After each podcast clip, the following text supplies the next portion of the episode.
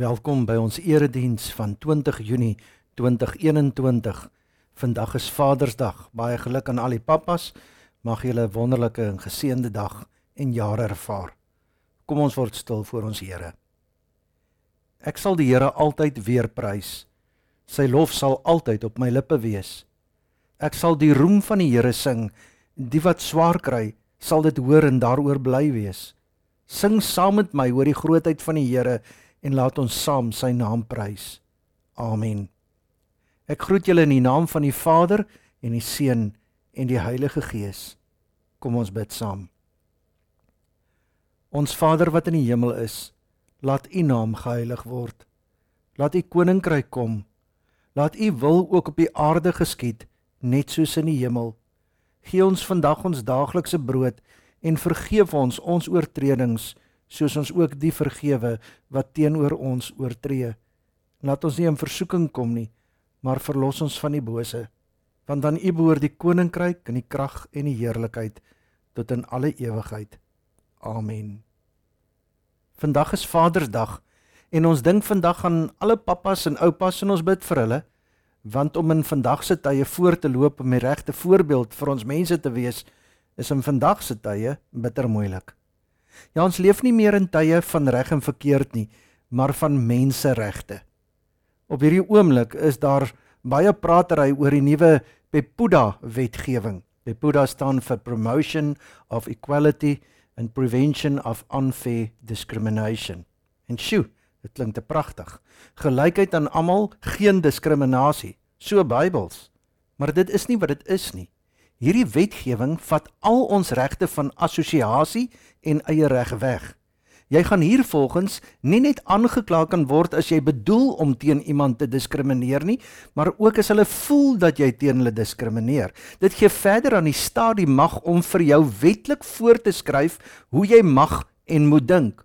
Ons Bybelse waardes word hiermee dadelik ondergeskik gestel aan mense se regte.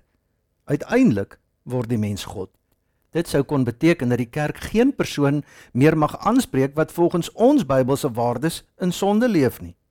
Hulle sal jou mag aankla van diskriminasie. Volgens hierdie wetgewing sal geen dominee meer mag verkondig dat slegs Jesus die weg en die waarheid in die lewe is nie, want dit diskrimineer teen ander godsdienste. Moedertale in skole en kerke sal diskriminering teen ander wees. Kom ek kom terug na Vadersdag. Ons kom vandag weer voor 'n kruispunt in ons lewens. Ons sal weer moet kies wie ons dien. Vaders, julle sal julle louheid en slapgatheid moet los en terugkeer na God toe. Julle sal weer die priesters in julle huise moet word. Ons staan weer saam met Joshua in Israel by Sichem in die teenwoordigheid van God. Ek lees Joshua 24 gedeeltes daarvan. Joshua het al die stamme van Israel bymekaar gebring in Sichem. Hy het die leiers van Israel, die hoofde, die regerders en die amptdraers geroep en hulle het hulle plekke kom inneem in die teenwoordigheid van God. Toe sê Joshua vir die hele volk: "So sê die Here, die God van Israel: Lank gelede het julle voorvaders ander kan die Eufraat gewoon en hulle het ander gode gedien. Ek het julle voorvader Abraham ander kan die Eufraat geneem en hom die hele Kanaan laat deurgaan. Ek het hom baie nakommelinge gegee." Aan hom het ek vir Isak gegee, aan Isak vir Jakob en Esau. Ek het julle voorvaders uit Egipte gebring en toe hulle by die Rietsee kom, het die Egiptenaars hulle agtervolg met strydwaans en ruiters. Julle voorvaders het na my geroep om hulp en ek het dit donker laat word tussen julle en die Egiptenaars en die see oor die Egiptenaars laat kom sodat dit hulle bedek het. Toe het ek julle gebring na die land van die Amorite wat oos van die Jordaan gewoon het.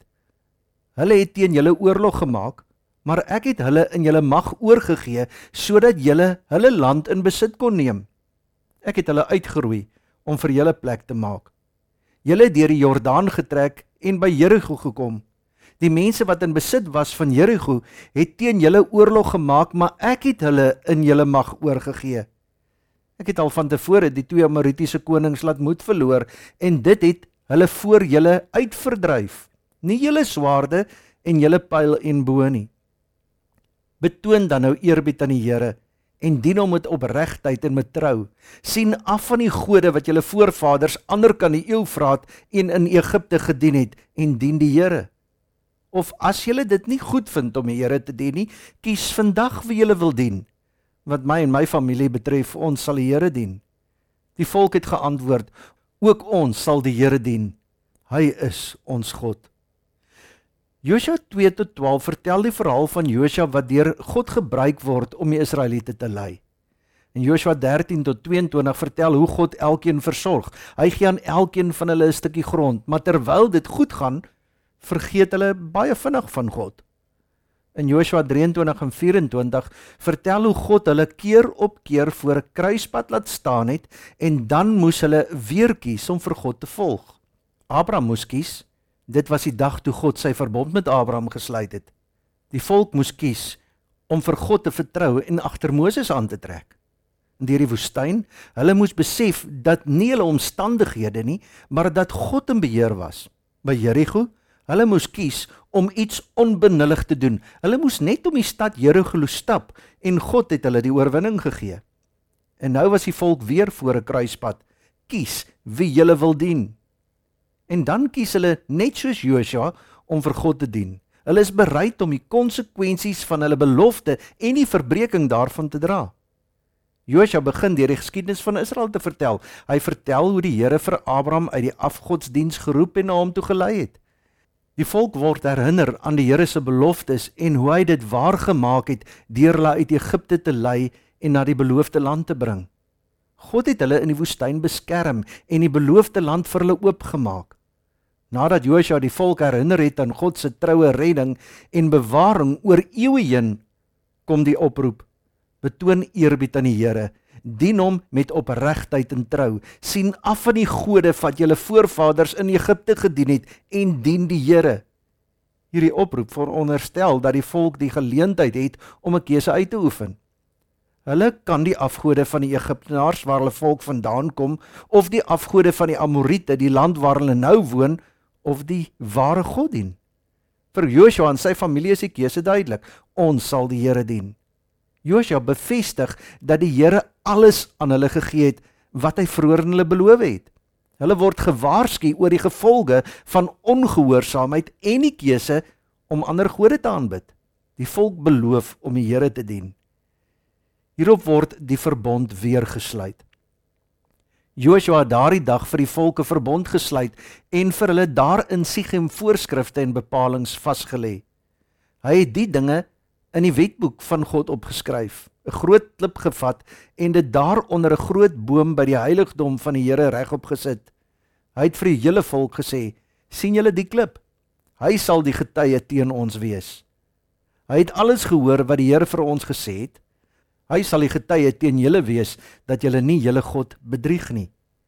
Die klip onder die boom in Sichem is die teken en getuie van die verbond, 'n getuie dat hulle gekies het om die Here te dien, maar ook 'n klip wat uiteindelik ook teen hulle kan getuig. Josua vra die leiers, die hoofde, die regters en die amptdraers, met ander woorde die vaders, om hulle plekke in die teenwoordigheid van God in te neem. Josua 24 vers 14 betoon dan nou eerbied aan die Here en dien hom met opregtheid en met trou. Die woord dien wat hier gebruik word se diepere betekenis sluit in om 'n slaaf te wees, om te dien, om te werk en om te aanbid. Godsdiens is dus om jouself oor te gee aan God soos 'n slaaf oorgegee is aan sy eienaar. Hulle kan hulle self slegs volledig gee vir een soort verhouding. Daar's nie plek in hulle lewens vir ander afgode nie. En dan bevestig die volk in Josua 24 vers 18: Ook ons sal die Here dien, hy is ons God. Josua 24 nooi ons weer uit om te kies, te lewe en om ons verantwoordelikheid teenoor God na te kom. Wie wil jy dien?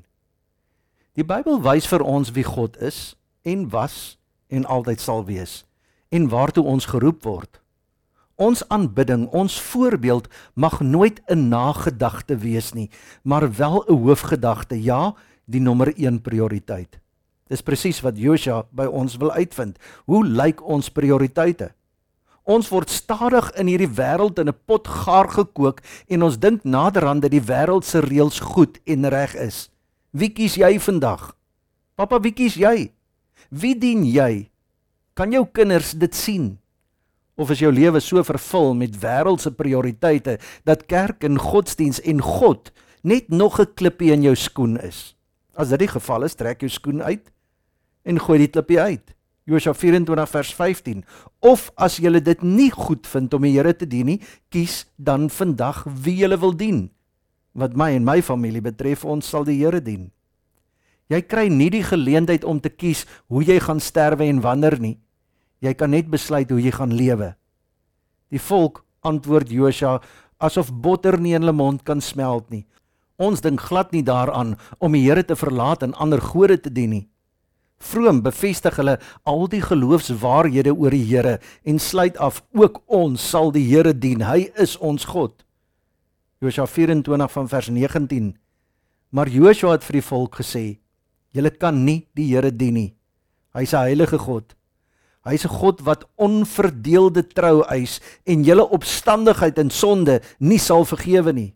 As julle die Here verlaat en julle dien vreemde gode, sal hy wat aan julle goed gedoen het, teen julle draai en rampe oor julle bring en 'n end aan julle maak. Josua waarsku hulle: Julle kan nie die Here dien en steeds besig wees om ander gode te dien nie. Hulle dien die Here op 'n goedkoop manier, want daar is steeds talle ander gode wat hulle ook dien. Die betekenis is duidelik. Mens kan nie die Here halfhartig dien nie. Josua sê: "Wat my en my familie betref, ons sal die Here dien." Uit sy keuse weet ons dat sy prioriteit God is. Hoe jy kies, hoe jy lewe, vertel alles oor jou prioriteite. Of kom ons sê dit anders, jou prioriteite vertel alles oor jou lewe. Josua vertel vir almal hoekom God sy prioriteit is, want hy het ontdek wie God is. God is die een wat alles onderhou. Hy is die enigste God. Kies vandag wie jy wil dien. Kies vandag hoe jou kinders vir God in jou lewe gaan sien. Hierdie besluit beteken Ek sal Jesus volg. Ek sal God aanbid, eer en dien. Ek sal met sagte oë na ander mense kyk. Die goeie in hulle soek en die goeie aan hulle doen. Niemand kwaad aandoen nie en met vreugde en vrede lewe. Die dinge wat die wêreld doen is dalk reg vir almal, maar nie vir ons nie. Ons moenie iets doen net omdat almal dit doen nie. Ons is geroep om anders te wees. Ons is Christene. Ons het 'n ander storie, ander waardes. Ons leefstyl behoort aan te kondig dat ons in 'n ander rigting reis. Amen. O God, bly by ons. Laat geen woorde oor ons lippe kom wat nie u woorde is nie. Geen gedagtes in ons verstand ingaan wat nie u gedagte is nie. Geen daad ooit gedoen of wil doen wat nie u daad is nie.